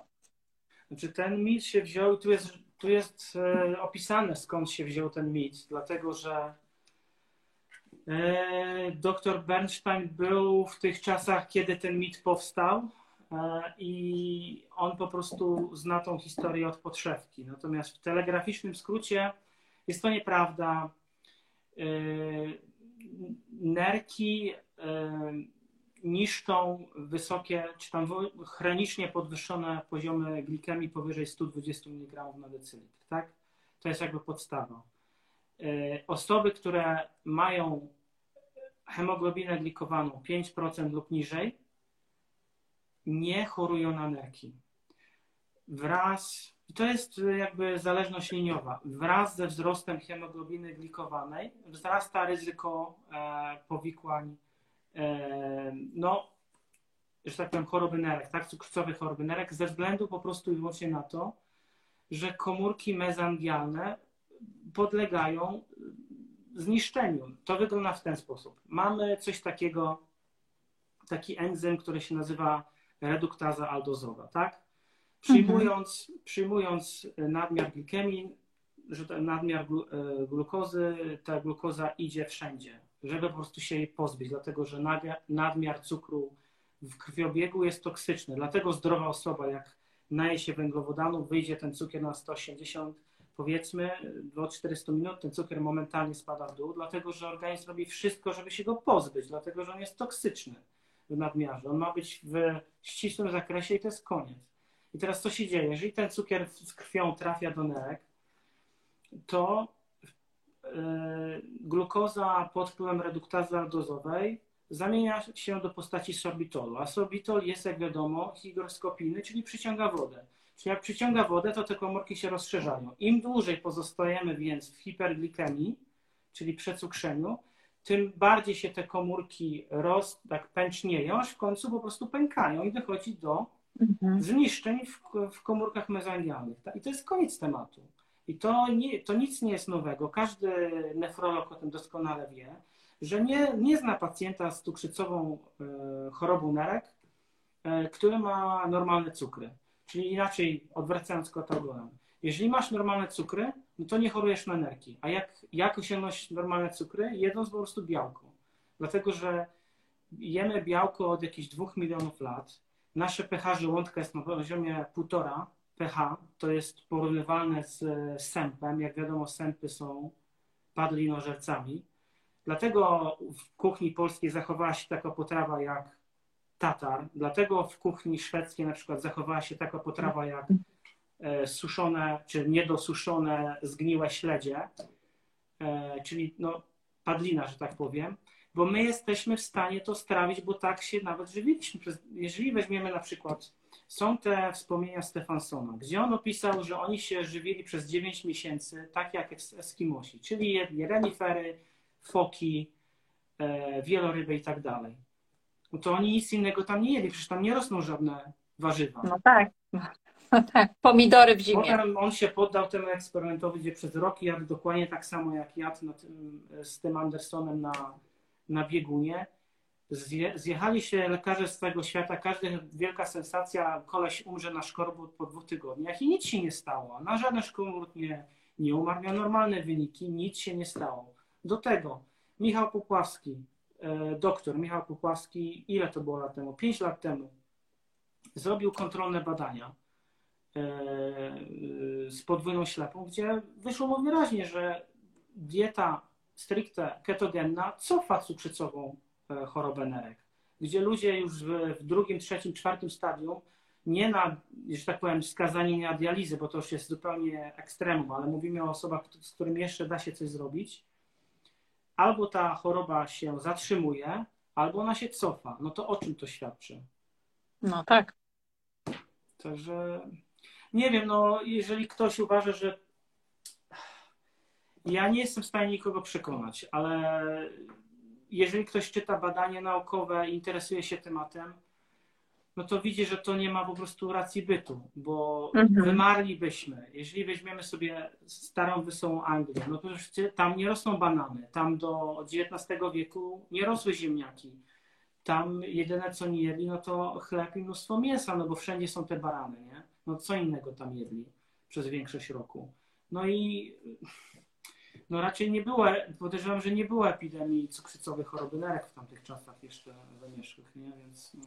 Wiesz, ale może się pojawić takie pytanie, załóżmy, że ktoś cierpi na cukrzycę, a bądź typu pierwszego, bądź typu drugiego, nie do końca wyrównaną, wiesz, ci, którzy mają typu drugiego albo nawet insulinoporność, często w nosie mają to, w jaki sposób się odżywiają, nie? Tam, wiesz, no, spadają ci jednak te parametry nerkowe, EGFR się obniża, czyli ta filtracja kłębuszkowa spada, pojawia się we krwi więcej amoniaku, co oznacza, że wątroba jest trochę już może mniej wydolna, tak? Czyli ktoś idzie w kierunku encefalopatii wątrobowej, no to wiesz, jak przejść na protokół Bernsteina, gdzie nagle masz dość dużo tego e, białka, który faktycznie no, może sprawić, że w organizmie podniesie poziom się amoniaku, kreatyniny, mocznika i tak dalej, e, czy nawet kwas moczowy.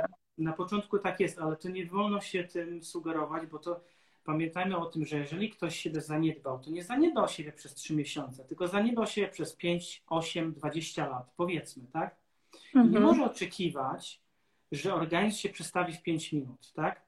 Bernstein sam wyraźnie mówi, że żeby zobaczyć jakiekolwiek efekty tego, co on w sensie poprawy wyników, to co on zaleca, no to należy robić badania co 3 miesiące. I on twierdzi, i to jest tak rzeczywiście, że przez pierwsze 3 miesiące w ogóle nie robimy, dopiero znaczy na początku, zanim zaczniemy, i potem po trzech, i potem po sześciu i tak dalej. I w, taki, w takich okresach czasowych już można coś zobaczyć. I rzeczywiście jest po prostu tak, że na początku wszystko wskazuje na to, że te parametry się pogarszają przez pierwszy okres, ale to jest ten okres, w którym się organizm przedstawia. Natomiast w momencie, w Mhm. którym się już przedstawi, dochodzi do wycofania. I teraz patent jest taki, że przeważnie nikt nie robi jakichś tam długookresowych badań. I po prostu Mhm. ludzie się przerażają tym początkiem, Tak. a prawda jest taka, że to wymaga czasu, żeby czasami, często się tak mówi, że żeby było lepiej, na początku będzie gorzej. Nie? I to czasami Mhm. niestety tak jest, no bo jeżeli ktoś doprowadził swoje cukry e, dzienne, że ma w granicach 250-300 dzień w dzień, no to sorry Winetu, ale on nie może oczekiwać, że za jakby za pomocą czarodziejskiej diety wszystko się cofnie w 5 sekund i będzie idealnie, nie? Już od No samego tak. początku. No nie, takie rzeczy to nie, to raczej wątpię. Nie? Mhm. A powiedz, czy dzieci mogą też stosować protokół Bernsteina? Czy dla nich są jakieś modyfikacje? Załóżmy, że mówimy tu o dziecku rocznym, dwuletnim, trzyletnim. Może tak. Bernstein jako tako yy, przyznał się, że nie przyjmuje pacjentów poniżej, nie wiem, czy tam 8 czy 10 roku życia, ale nie, nie ze względu na to, że ten protokół nie działa, tylko ze względu na yy, taką fałszywą troskę rodziców, yy, takie, taki mechanizm psychologiczny, gdzie często się mówi, nie chcę odbierać dziecku dzieciństwa. Czyli Tak. Bernstein mówi, jak powinno się kierować cukrzycą. E, Rodzice mówią tak, tak, a potem przychodzi co do czego, a robią po swojemu i dzwonią, że tak powiem, z płaczem, że jest dramat. Prawda? On się pyta, co dziecko jadło, i wtedy oni mówią, co dziecko jadło. Ja mówię, że nie, że on takich pacjentów on nie potrzebuje, że mówią tak, tak, a potem robią swoje. Więc kierowanie się taką, takim fałszywym poczuciem troski o, o dobro małego cukrzyka, że jeżeli on nie dostanie tych cukierków, tych bananów, nie wiem, tych tortów i tak dalej, zwykłych, tego McDonalda przynajmniej raz w tygodniu, to on będzie miał kiepskie dzieciństwo. Yy, To rzeczywiście, jeżeli ktoś tak myśli, to ten protokół nie jest dla takiego rodzica, takiego dziecka. Mhm. Bo Mhm. taki rodzic nie myśli o w długiej perspektywie czasu, nie myśli o tym, że to dziecko będzie się kiepsko rozwijało, e, nie będzie osiągało takich samych wyników w szkole jak rówieśnicy, e, że w wieku 18, 20, 25 lat będzie miało początki zaćmy, jaskry, czy jakichkolwiek innych tam spraw nefrologicznych, czy, czy cokolwiek. Wracając do pytania. Tak można. Pamiętajmy o tym, że e, 80% tych produktów, e, jak wchodzimy do sklepu, które widzimy na półkach, jeszcze 150 lat temu nie istniało. Mhm. Nigdzie nie było dostępnych. I, a żyjemy na tej planecie już no, dosyć sporo. Więc to nie jest tak, że jeżeli dziecko nie zje banana, e, to po prostu świat się zawali. To nie jest tak, że jeżeli dziecko nie, nie zje bułki, to świat się zawali. To, ale to jest tylko i wyłącznie gestia rodziców, prawda? Jeśli chodzi o fizjologię człowieka, to ona jest bez zmian. Białko zawsze się przekształca do glukozy.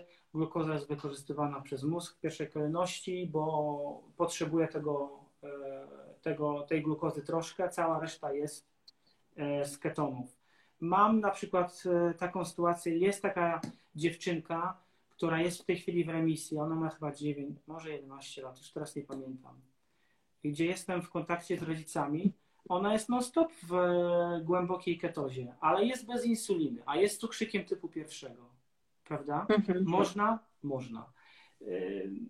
Mam drugi przykład. Dziecko 3 lata, gdzie mama rzeczywiście gotuje w zgodzie z protokołem, gdzie, gdzie dzieciaczek ma założony CGM i rzeczywiście te cukry są w porządku. Czy to dziecko cierpi?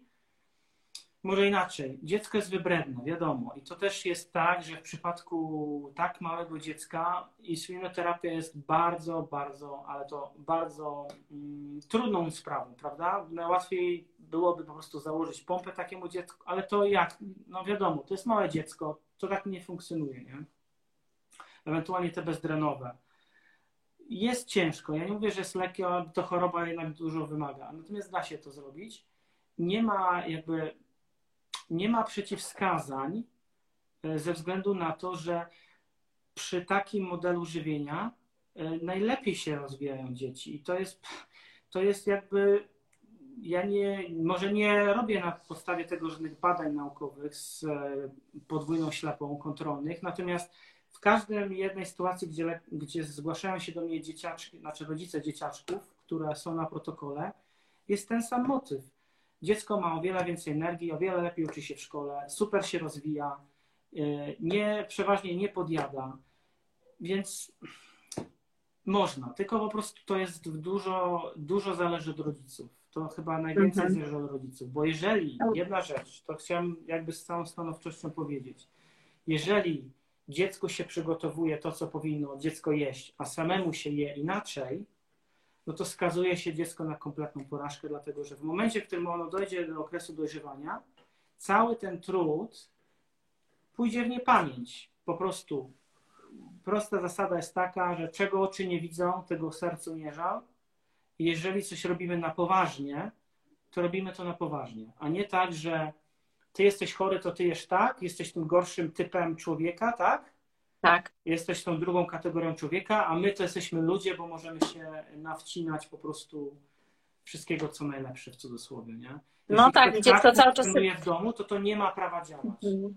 No i dziecko ma... się wychowuje w takim przekonaniu, że raz, że jest gorsze, dwa, że to, co jedzą rodzice, jest fajniejsze i że ma braki. No i jak tylko będzie miało możliwość, pojawi się mechanizm spustowy i wszystko wjedzie wtedy. Pojawi się bunt na chorobę, bo sobie muszę odrobić wszystkie te lata, tak? Bo ja jestem inny, a nie, a nie taki sam, nie wyjątkowy.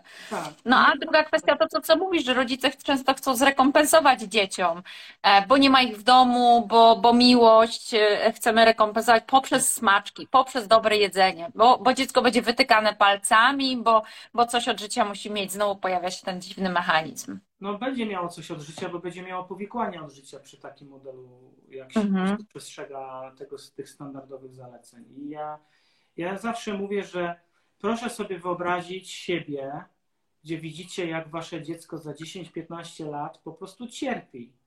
Cierpi niemiłosiernie. I czy mhm. naprawdę, mhm. czy naprawdę ten McDonald's, czy naprawdę ta cola, czy naprawdę te owoce są tego warte? Nie wiem. Nie to jest, każdy podejmuje decyzję za siebie, każdy jest odpowiedzialny za swoje dzieci, ale można żyć inaczej, nie? Można żyć inaczej. Czy możesz coś opowiedzieć o gastroparezie? To jest no. E, ciekawa rzecz, którą wyczytałam w książce. E, I myślę sobie, że być może dość dużo osób ją właśnie ma, bo wiele osób narzeka na tą taką ciężkość poposiłkową. Czy to może dotykać też osoby, które mają insulinooporność, czy to już tylko wtedy, kiedy wiesz, cukrzyca typu pierwszego? Udowodnione naukowo jest, że komórki nerwowe, czy to będą, no ogólnie komórki nerwowe ulegają zniszczeniu przy cukrach 140 wzwyż, tak? Mhm. Takie cukry jak najbardziej są osiągalne u osób z insulinopornością. Więc przewlekła, przewlekła hiperglikemia prowadzi do uszkodzenia komórek nerwowych. Jest taki nerw błędny w naszym ciele, który przebiega przez całe, przez całe ciało, również przez żołądek. W momencie, w którym dochodzi do uszkodzenia e, nerwów żołądka, no powoduje to tak zwaną gastroparezę, czyli to jest ten niedowład żołądka. On się charakteryzuje tym, że y, pokarm jest strawiony albo bardzo, bardzo powoli podlega procesowi strawienia. Y, czyli tu nie mówimy o dwóch godzinach, tylko na przykład 8, 9, 10 godzinach się trawi. To jest jakby jedna rzecz, y, czyli bardzo długo. przez ten paraliż żołądka. I druga rzecz, że odźwiernik się nie otwiera regularnie i automatycznie. Bardzo nieregularnie się otwiera i ten pokarm jest puszczany dalej, e, na przykład wiele godzin później. I może dochodzić do takich sytuacji, gdzie mamy insulinooporność, mamy gastroparezę, mm, pokarm się trawi, trawi, trawi, organizm już, już pierwsza faza cefaliczna, gdzie widzimy pokarm, czujemy pokarm, już zaczyna się wydzielać insulina, tak? Dochodzi do hipo, e, hipoglikemii reaktywnej na przykład, tak? Mhm. A potem znowuż do e, hiperglikemii wiele godzin później. Tak może być na przykład. Albo może być tak, że ten pokarm się cofa, że, na, że beka się, że człowiek beka, że odbija mu się, że, ma, że bardzo źle się czuje po posiłku, po posiłku na tym żołądku, jest bardzo, bardzo źle.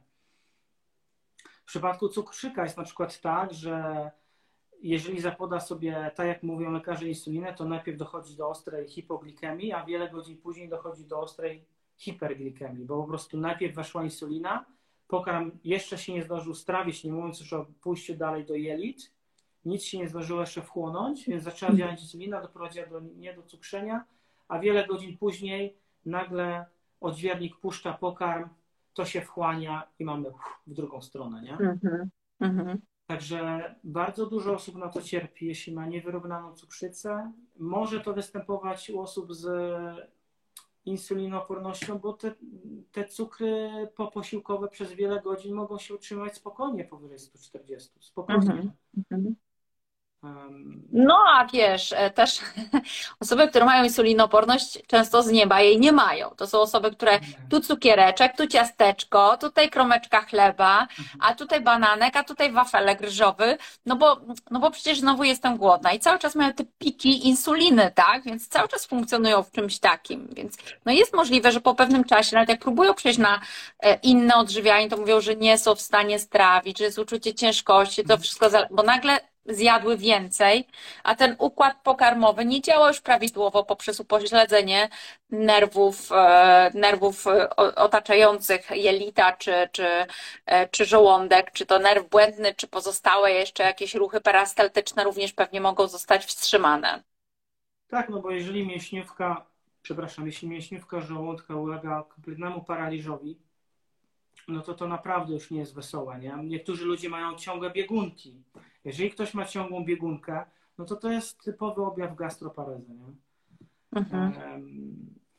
No niestety, no, ale co? Tutaj w tej książce jest opisane dokładnie, jak sobie z tym poradzić. Sam Bernstein miał gastroparezę i to wymagało od niego 13 lat trzymania normoglikemii jako cukrzyk, żeby ten proces się cofnął. To znaczy, on wyleczył całodobową normoglikemią, wyleczył to. Także to się da wyleczyć. Natomiast no, to wymaga ogromnych wysiłków i wyrzeczeń. 13 lat. A wiesz jak jest? Przychodzi pacjent do gabinetu, poproszę suplementy, bo mi jest ciężko i mhm. za miesiąc przychodzi, za dwa, za trzy i mówi, że to nie działa, dietetyk jest do dupy, bo po prostu nie funkcjonuje mu, mm, bo dalej mu się odbija i tak dalej. A gdzie 13 lat? No nie, także to... No właśnie, to jest to, to chyba na tym też się zasada ten cały, ten cały protokół, że myślimy daleko w przyszłość. Nie, nie, mhm. nie, jest tak, że, nie jest tak, że nie liczy się tu i teraz, ale wszystko, co robimy, myślimy po prostu o długofalowych konsekwencjach naszego. No tak. No dobrze, powiedz mi, dlaczego należy ograniczać błonnik? Dlaczego błonnik jest czasami problemem? Bo wiesz, z jednej strony cukrzycy zawsze to podkreślają, mhm. tylko e, produkty mm, pełnoziarniste, z dużą ilością błonnika. Mm, błonnik moim zdaniem jest wytrychem, jest e, chwytem marketingowym. Dlatego, że zauważ, co ma błonnik i e, do czego dodaje się błonnik. Do wszystkich tak. produktów wysoko przetworzonych dodaje mhm. się potem specjalnie błonnik i podaje się to na każdym opakowaniu, że zawiera błonnik. Prawda? To, to, tak. to już powinno zapalać lampkę że to jest po prostu chwyt marketingowy. E, poza tym, te najnowsze badania, o których wspomniałaś, ja je widziałem wczoraj, nie, parę dni temu, gdzie jest pokazane wyraźnie, że im więcej błonnika, tym większe zapalenie reumatoidalne stawów. To nie jest żaden przypadek. To nie jest żaden przypadek. Ja mam książkę tego monasterskiego, Fiber Menes, gdzie on po prostu sam przeszedł Gehennę, potem napisał tę książkę, gdzie on wyszczególnia konkretne rodzaje raka i problemów na tym trakcie żołądkowo-jelitowym, które błonnik powoduje. Zgadzam się z e, profesorem e, Lustigiem odnośnie tego, że troszkę błonnika jest ok, bo czymś trzeba karmić naszą e, florę bakteryjną jelit. Natomiast to, nie, to są jakieś naprawdę niewielkie ilości. Ja nie wiem, nie za bardzo rozumiem ten, znaczy tak, przeszedłem, jeżeli już przeszedłem na tą dietę Bernsteina i ludzie się pytają, o nie masz problemu z zatwardzeniami i tak dalej, no nie ma czegoś takiego ze względu na to, że no ja nasz cały ten układ pokarmowy jest dosyć specyficzny, tak? My wytwarzamy od 800 ml do, do całego litra e, soli kwasów e, żółciowych, więc naprawdę my mamy czym rozkładać, rozkładać ten, ten, te, te nasze białko, ten nasz tłuszcz i tak dalej. Więc ja nie za bardzo rozumiem, po co mielibyśmy jeszcze specjalnie jeść ten błonnik, skoro o, i my jego nie trawimy. Przecież my nie, my nie mamy jakoś specjalnie jelita ślepego, tak? No jeżeli mówimy, tak. mamy wyrostek robaczkowy, ale to jest jakaś pozostałość. Jeżeli mhm. mówimy o, o, o, krowie, która, ona okej, okay, ona je tą trawę, ale ona nie żywi się trawą, tylko w, tym proces, w tych procesach enzymatycznych ta trawa jest przekształcona do krótkołańcuchowych e, kwasów tłuszczowych i to nimi ona się żywi ale my nie potrzebujemy tego, bo my spożywamy kwasy tłuszczowe. Więc dlaczego mielibyśmy jeść coś, czego nie trawimy ja, i to po prostu przechodzi przez nasz organizm i jest wydalane? Ja nie za bardzo jestem w stanie zrozumieć taki tok myślenia. Natomiast jak po, popatrzę na te wszystkie opakowania, gdzie to zawiera wszystkie te najgorsze batoniki słodkie, te, te mm, no, e, składki śniadaniowe, to wszędzie tam jest napisane, że zawiera błonnik, zawiera błonnik. No, no i co z tego, że zabiera błonnik? Mhm. Bez błonnika, no. No, znaczy, no okej, okay, no wiadomo, fajnie jest zjeść od czasu do czasu jakąś sałatę, jogurkę i tak dalej, ale żeby się tym specjalnie karmić, yy, rozpychać sobie tym, yy, tym żołądek i potem mieć problemy niżej, że tak, no ja... No wiesz, za, zawsze jest ten argument, że karmimy swoją mikrobiotę jelitową, natomiast ja tu mam taki duży zgryz, bo ja też czytałam badania, które mhm. pokazały, że faktycznie nadmiar błonnika w diecie może prowadzić do nowotworów, że niektóre, niektóre rodzaje błonnika, szczególnie te ze zbóż, działają drażniąco na jelita, działa jak papier ścielny, działa jak taki peeling, który cały czas szlifujesz te jelita. E, co sprawia, że te jelita muszą więcej śluzu produkować, co, co, co nie jest ok, tak? Bo, bo one muszą się cały czas regenerować, a są cały czas niszczone. To tak jakbyśmy sobie codziennie peeling robili, co nie jest dla nas naturalne. A ponadto trzeba wziąć pod uwagę, no to co w takim razie z plemieniem Masajów albo e, z ludami, którzy gdzieś tam na Alasce funkcjonowali i, i co, to oni nie chodzili do ubikacji, mieli zatwardzenie tylko dlatego, że nie było błonnika. No mamy przecież ruchy perystaltyczne, mamy kompleksy mioelektryczne, które nie są zależne od błonnika. Znaczy wystarczy, modul, moduluje się po prostu ilością tłuszczu, tak? Jeżeli ja zauważam, że że mam zbyt twardy stolec, no to wystarczy, że po prostu zacznę jeść trochę więcej tłuszczu i tyle w temacie. I nie ma problemu. To, że nie wiem skąd to się wzięło. Ja podejrzewam, że cały ten pomysł na ten błonnik to jest tylko i wyłącznie taki chwyt marketingowy. To jest moje przypuszczenie. E, nie trzeba jakoś specjalnie tego nie wiadomo jakich ilości jeść. E, te ilości tam w sałatce czy w surówce są wystarczająco. Nie trzeba tego jakoś specjalnie posiłkować dodatkowo czymkolwiek innym i spokojnie można sobie żyć bez jakichkolwiek problemów. Jak ktoś chce się na. Okej, okay, rozumiem. Jeżeli ktoś ma ciągłe uczucie niedosytu po posiłku, okej, okay, no ale są, są leki, które jakby zmniejszają ten apetyt, ale to nie jest powód, żeby się opychać błonnikiem, nie? Bo mhm. to, są, to są zależności hormonalne, więc jeżeli ktoś ma za dużo insuliny, no to będzie miał ciągłe ułachnienie. Ok, rozumiem, zgadza się.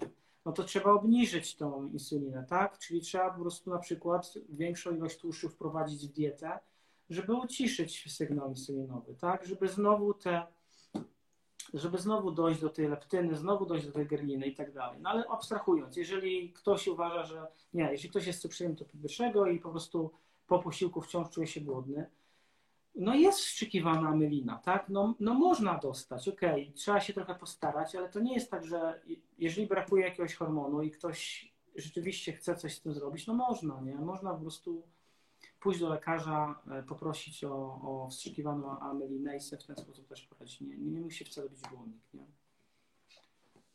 To jeszcze mam dwa pytania, ostatnie. Bardzo. Dlaczego indeks glikemiczny nie działa?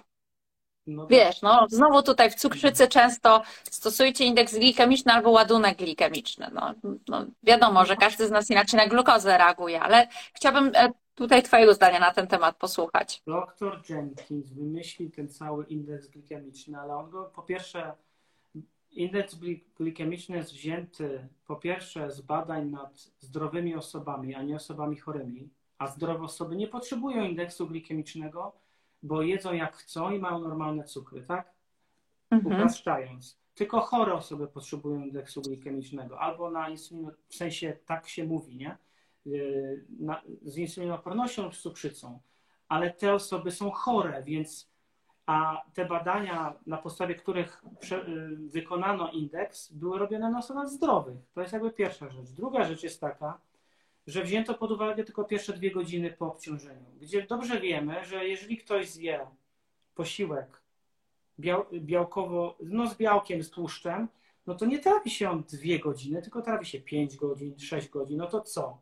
My bierzemy tylko dwie pierwsze godziny, a, a to potem co się dzieje? No jak, no jak to jest? No przecież cały czas i każdy cukrzyk, przynajmniej typu pierwszego doskonale wie, jeśli zje kawałek mięsa, no to go wybije, no ale nie wybije go od razu po, po zjedzeniu, tylko stopniowo będzie go ten cukier wybijać nie? przez szereg godzin. Także to jest jakby kolejna rzecz. Poza tym te, te, mm, te wyniki, te rezultaty na tych zdrowych osobach były uśrednione.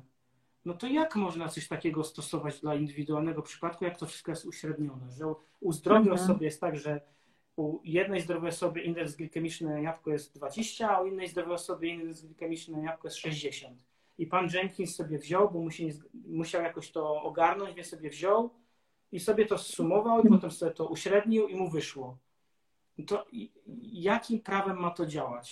To jest jakby kolejna rzecz. No, poza tym wszyscy dobrze wiemy, że są inkrety, że jelita wydzielają inkretyny. W zależności od tego, w jakiej kolejności jemy dane składniki pokarmu, to inaczej po prostu, inaczej to wpływa na glikemię. No a o tym w ogóle nie ma mowy w indeksie glikemicznym. No nie, w ogóle. Do tego dochodzi im bardziej podsmażysz, czy im bardziej ugotujesz marchewkę, no tym większy ma wpływ na glikemię, nie? A tutaj masz mhm. tylko marchewka X, a nie masz, że marchewka lekko ugotowana 20, troszkę mocniej ugotowana 30, rozgotowana 80. No nie masz tego. No, to się po prostu nie ma prawa udać. To się nie ma prawa udać.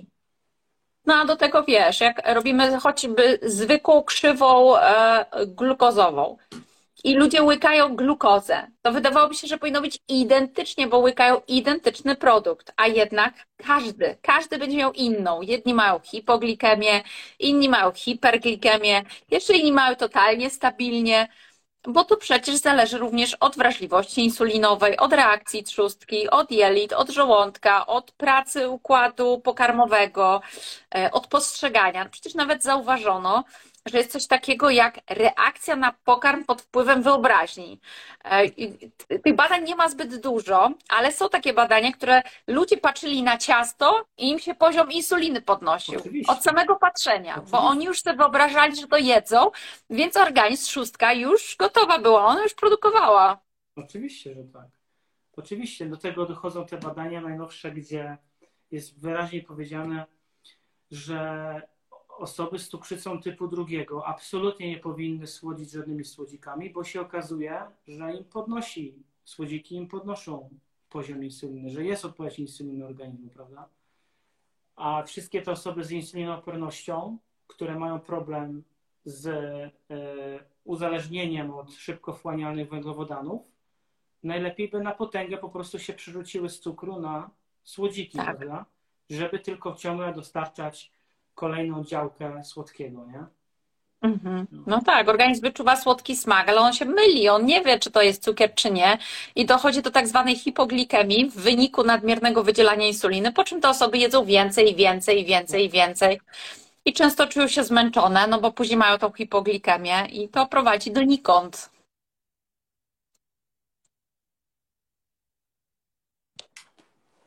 Ostatnie pytanie.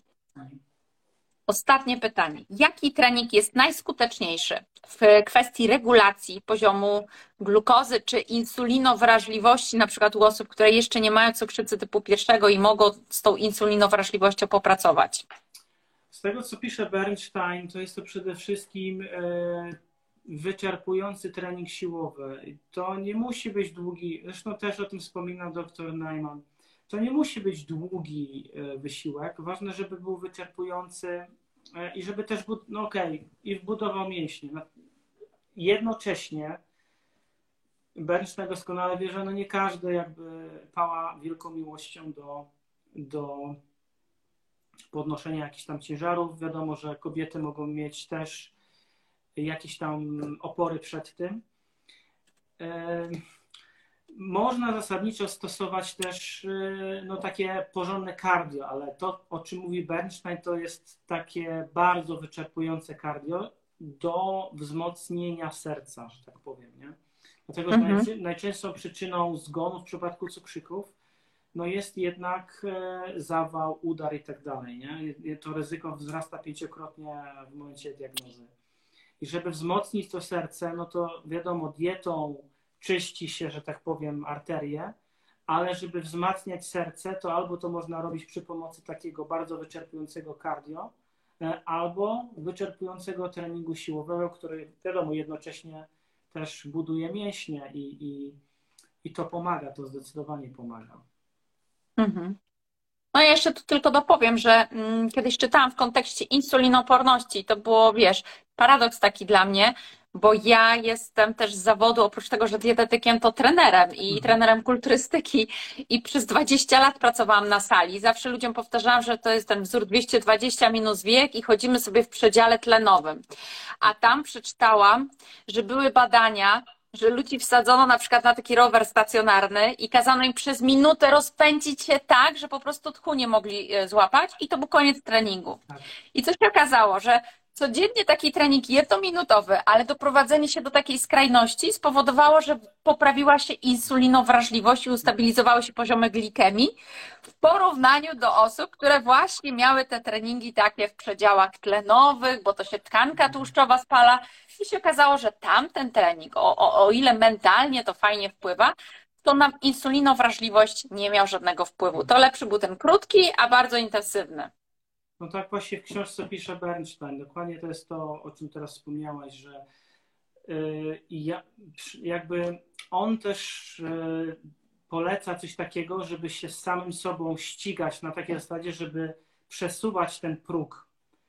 Im mhm. dalej się da i tak ćwiczyć, żeby być całkowicie wyczerpanym po tym krótkim wysiłku, nie? Że po prostu mhm. człowiek nie miał szans, szans, sił po prostu ustać na nogach po takim wysiłku. Krótki, ale bardzo wyczerpujący, tak. No właśnie, więc ćwiczenia siłowe tak samo. Duży ciężar, krótko, tak. idziemy na siłownię na 30-40 minut i po temacie, a nie tak. wysiadujemy tam, tak jak to kobiety mają tendencję, małe ciężarki. To jest po prostu męczenie się i, i, i nie doprowadzi do, do żadnych wymiernych efektów. Tak, to, że no, to, jest, to jest e, jakby moja odpowiedź na na pytanie odnośnie treningu. Ja Ci bardzo dziękuję, Łukasz, za to, że byłeś moim gościem dzisiaj i że odpowiedziałeś. Ja jestem przekonana, że ten live jest mega, mega wartościowy dla wielu osób, bo powiedziałeś tutaj mnóstwo fantastycznych rzeczy.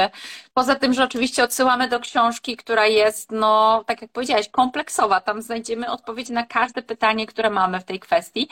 No i na koniec chciałabym, żebyś jeszcze powiedział, gdzie można Ciebie znaleźć, gdzie można szukać Twojej wiedzy, bo jest grupa na Facebooku, masz super stronę. Zgadza się. E, zasadniczo polecam przede wszystkim e, www.sposobnacukrzycę.pl. E, ja tam zamieściłem takie przewodniki. Ja od dwóch lat sukcesywnie, dzień w dzień na swojej grupie facebookowej zamieszczałem jakieś tam artykuły o cukrzycy. I to potem jakoś zebrałem w całość, dlatego że Facebook mnie cenzuruje i, i wyrzucają już moje wpisy na mojej grupie, więc ja stwierdziłem, że żeby jakby zachować tą wiedzę, no to ja ją tak trochę zepnę w jedną całość i upchnąłem to u siebie na stronie internetowej. Także sposób na cukrzycę.pl, tam jest strona internetowa i tam są zakładka przewodniki jest, e, gdzie są te przewodniki, jest odnosik do, do grupy facebookowej, jest odnosik do mojego Instagrama tam, jest e, ten tutaj właśnie, że tak powiem, zdjęcie książki. Jak się kliknie na to zdjęcie książki, to wchodzi się bezpośrednio na stronę wydawnictwa, gdzie tą książkę można kupić. No może nie teraz, bo akurat jak mówię, wznowienie będzie dopiero po, po nowym roku. Trzeba po prostu czatować na nią. E, wiadomo, jest e, moja grupa facebookowa, protokół doktora Bernsteina dla cukrzyków. Zapraszam wszystkich gorąco do, do uczestnictwa. Tam również zamieszczam mnóstwo materiałów e, przeróżnych, czy to będą przepisy kulinarne, czy to będą badania najnowsze naukowe, czy to będą jakieś moje wpisy motywujące, czy polemiczne. No dużo jest takich przeróżnych materiałów, gdzie można się ciekawych rzeczy dowiedzieć o cukrzycy. Także też zapraszam. Poza tym co, na mojej stronie internetowej jest zakładka sklep, gdzie możecie kupić, jak wspomniałem, ja zrobiłem taki, to jest wydrukowane, ja sobie wydrukowałem to, ale to jest w formie PDF-a, to jest taki, taka książka kucharska, dlatego że bardzo dużo osób, które przechodzą na taki styl żywienia, zderzają się ze ścianą, bo nigdy w życiu tak nie jadły wcześniej i nie wiedzą za bardzo, mhm. co mają jeść. Mhm. Ja po prostu zamieszczałem przez ostatnie 2-2,5 roku różne przepisy na grupie. Ja potem to wszystko zebrałem do kupy i zrobiłem z tego taką fajną książkę kucharską. E, także też można kupić, to kosztuje chyba z 50 zł, z tego co pamiętam, nie pamiętam dokładnie. Także można taką książkę sobie kupić i po, wypróbować te przepisy kulinarne. Cóż więcej mogę rzec? No, tak mówię, ja jestem dosyć taki czynny na Facebooku, na Instagramie trochę mniej. No jest jeszcze kanał YouTube. Kanał YouTube to zachęcam wszystkie osoby, które nie mają specjalnie czasu, żeby cokolwiek czytać lub nie lubią czytać, to polecam wejść na mój kanał YouTube. On jest chyba też sposób na cukrzycę się nazywa, z tego co pamiętam. I tam e, po prostu wszystko po kolei jakby można sobie przesłuchać. Nie? Będę wrzucać od, od jutra chyba. Fragmenty książki będą czytane na YouTubie, mm, czytane fragmenty książki Bernsteina. Także jak ktoś jest nieprzekonany, to będzie mógł posłuchać fragmentów książki mhm. na, na, na YouTubie i albo się przekonać, albo się, albo się tylko, że tak powiem, rozczarować, więc zapraszam w jednym, w drugim przypadku. Jak to mówią, nieważne jak mówią, ważne, żeby mówili, prawda? Więc w ten sposób. Dziękuję Ci bardzo. Proszę uprzejmie. Live Dziękuję oczywiście zapisuję i udostępniamy. Super. Także wszystkiego dobrego Ci życzę. E, mam nadzieję, że rozpętałem jakąś porządną dyskusję i burzę na. Na pewno. Ja zapraszam oczywiście do komentarzy pod filmem jeszcze i ewentualnie zadawania też pytań, jeżeli macie do Łukasza. Wszystkiego dobrego. Hej. Nie trzymaj się, na razie.